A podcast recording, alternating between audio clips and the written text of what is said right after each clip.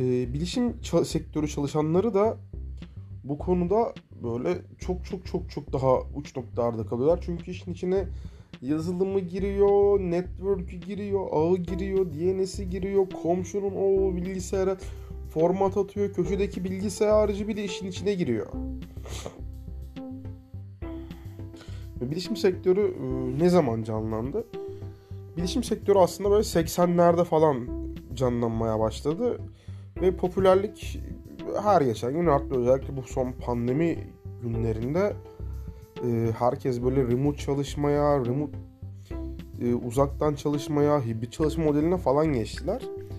Ve e, insanlar gün içerisinde böyle minimal sorunlar için gittikleri IT'nin aslında ne kadar kritik bir iş yaptığını anlamış oldular. Gerçi çoğu birim her zaman özellikle büyük firmalarda e, bazı birimler çok böyle kendilerine dünyanın en önemli işi yaptıklarını düşündüler ama öyle değil tabii bu olay. E, Şimdi en çok sorulan sorulardan bir tanesi bu alanda çalışmak için ne bilmem gerekiyor? Bu alanda bir kariyer yapmak istesem hangi alt dala yöneleyim? Bilgisayar mühendisliği okuyorum ama hangi alana yöneleceğim ve sonunda ne olacağım bilmiyorum. Sizce ne yapayım? Yani bizim sektörle alakalı bir şeyler okuyan insanlar da ne yapacağını bilmiyor. Şimdi yazılım mühendisi var, bilgisayar mühendisi var, yönetim bilişim sistemleri var, yazılım programcısı var. Ee, ve yani böyle bıdı bıdı bıdı bir sürü dal var. Şimdi mesela e, LinkedIn'de falan çok denk geliyorum böyle. IT hiyar. Şimdi IT işe alım uzmanı. Bu insanlar müthiş para kazanıyorlar. Çünkü e, tam anlamıyla yetenek avcısı arıyorlar. Yetenek av, yetenek avındalar yani onlar. Böyle büyük futbol kulüplerinin oyuncu transfer etmesi gibi bir şey bu. Baktığın zaman. Ee,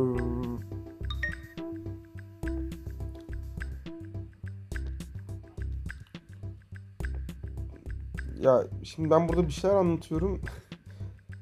Bunlara da dönüp şey diyecekler şimdi. Hayır ya öyle değil çok basit indirgiyorsun. Bu işin altında onlarda farklı uzmanlık var şeklinde bir sürü şey olacak. Yani e, evet ama ben bunu bir tık yüzeysel olarak anlatmak istiyorum. Ve yani pozisyonları böyle 7-8 ana başlık altına toplayacağım yani. Ee, sahnede bilişim sektörünün hemen hemen tüm rolleri ve görevlerini sayacağım aslında.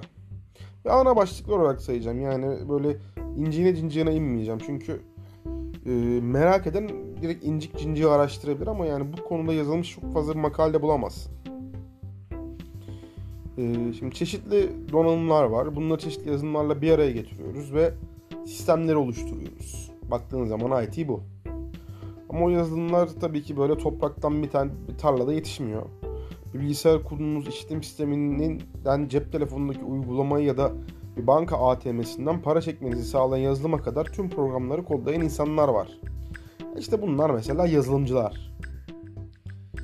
Ee, bilgisayarı kaldırıp ayağa ka- çalışır hale getiren, bu bilgisayarın oluşan sistemleri tasarlayan, bu sistemlerin bakımlarını yaparak çalışmalarını e, sağlayan insanlara da sistemci diyoruz.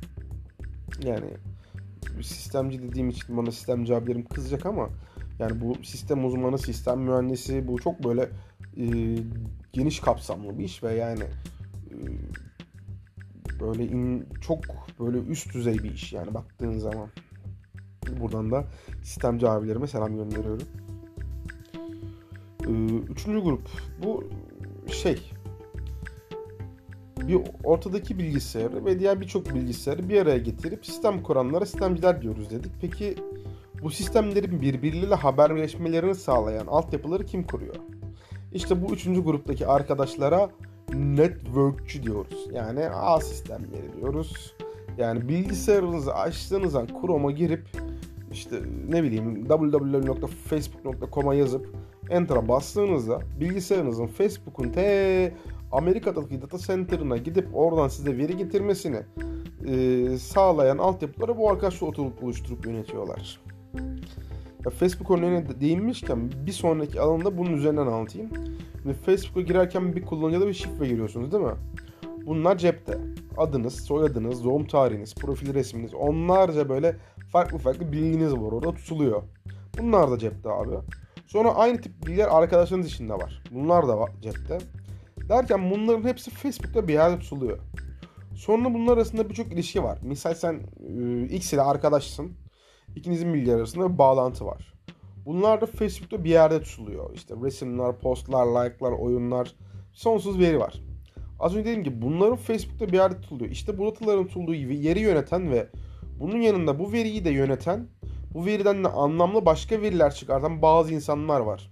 Bunlara datacı ya da veri hizmetleri diyoruz. Hatta şimdi böyle bu dataları Facebook alıp böyle ona buna satıp e, reklam pazarlaması adı altında biri bizi gözetliyor, çekiyor yani. Neyse bu konuya çok girmeyeceğim. Belki başka bir gün. Şimdi datadan bahsettik. Madem bununla bağlantılı bir alana daha dalalım. Artık şirketlerin maili, idari fiziki güvenlikleri kadar hatta belki ondan daha önemli bir dertleri var. Sanal güvenlik. Koca koca sistemler kuruyorlar. Üstüne onlar da yazılım yüklüyorlar. İçine çok önemli data koyuyor ve bunları internete bağlıyoruz. İnternete çıkan hiçbir şey güvenli değildir arkadaşlar. Bu şekilde sistemlere e, erişmesi gerekenler ile e, şimdi bu sistemleri neden internete çıkıyoruz? Çünkü bu sistemlere özellikle insanlar e, remote bağlandıkları dönemde çok çok fazla ihtiyaç duymaya başladılar. Mesela işte e, bu şirketlerin işte firewall cihazlarının sunduğu, load balancerlarının sunduğu veya işte kullandıkları routerların sunduğu farklı VPN hizmetleri veya firmaları işte ne bileyim böyle Cisco'nun router'ının VPN'i var veya FortiGuard'ın e, VPN'i var. Bunlar üzerinden e, şirketin ne olmadan şirketin neymiş gibi şirketin network'ünde, şirketin sanal sürücülerinde iş yapıp bunu anlık olarak aktarabiliyorsun. Ve işte bu çok her tarafa açık bırakmak oluyor aslında. Yani bunlara yani dış bir IP'in var senin internete çıktığın. Bu dış IP'ne erişim vermiş oluyorsun. Yani bilgi işlemci bunu vermek zorunda. Sistemcinin bu açığı verdiği zaman sen ne yapıyorsun? Ee, bu sisteme bağlanıyorsun. Ama senin şifren, e, doğum tarihinle işte bilmem neyin gibi böyle kolay tahmin edilebilir bir veri olduğu zaman bunun için iki faktörlü doğrulama konuluyor, o konuluyor, bu konuluyor. Ve bunlar yine kullanıcı bakışından bakıp dönüyorsun. Helpdesk'i sorun olarak geliyor. Ama bu tarz çok fazla problem oluyor. İşte e, bunları alakalı güvenlik problemlerini çözüp zafiyeti tamamen kapatamazsınız ama zafiyeti minimum düzeye indirmeye çalışan arkadaşlar güvenlikçi deniyor. Güvenlik böyle geyer, geyer geçer bir şey değil. Güvenlik sürekli var olan bir durum ayrıyetten. Geldik bu sistemin en çok kahrını çeken arkadaşlara. Arkadaşlar ne yaparsanız yapın. Ne kadar mükemmel ve kusur sistemler oluşturursanız oluşturun. Bu sistemler gün içerisinde bir sürü sorun çıkaracak. Kullandığınız donanım bozulacak, yazılım internet hakkında bir şey olacak, çıkamayacak. Ee, özellikle böyle muhasebe programı gibi böyle farklı database türleri kullanan programlar, henüz Linux'laşamamış MS SQL'ler falan bir sürü program, problemler çıkar, çıkaracak. E bu sorunları telefonu kaldırıp ar- aradığınız veya işte mail attığınız veya ne bileyim ya işte bir bakar mısınız benim bilgisayarımda bir şey oldu dediğiniz adamlar var. Bunlar da işte help desk, destek ekipleri dediğimiz ekipler. Şimdi 6 tane iş alanı saydık. Ee, ve bunların birazdan işte rollerini falan anlatacağım. Sonra değişik roller var. E bu kadar alan bu kadar rol dersen sayısız insan var bu işlerde çalışıyor. Bu, bu kadar kişi koordine edecek, yön verecek, onları organize edecek ve bu işlerin ilerlemesini sağlayacak ve yönetim tarafına bu işleri e, detaylı bir şekilde anlatıp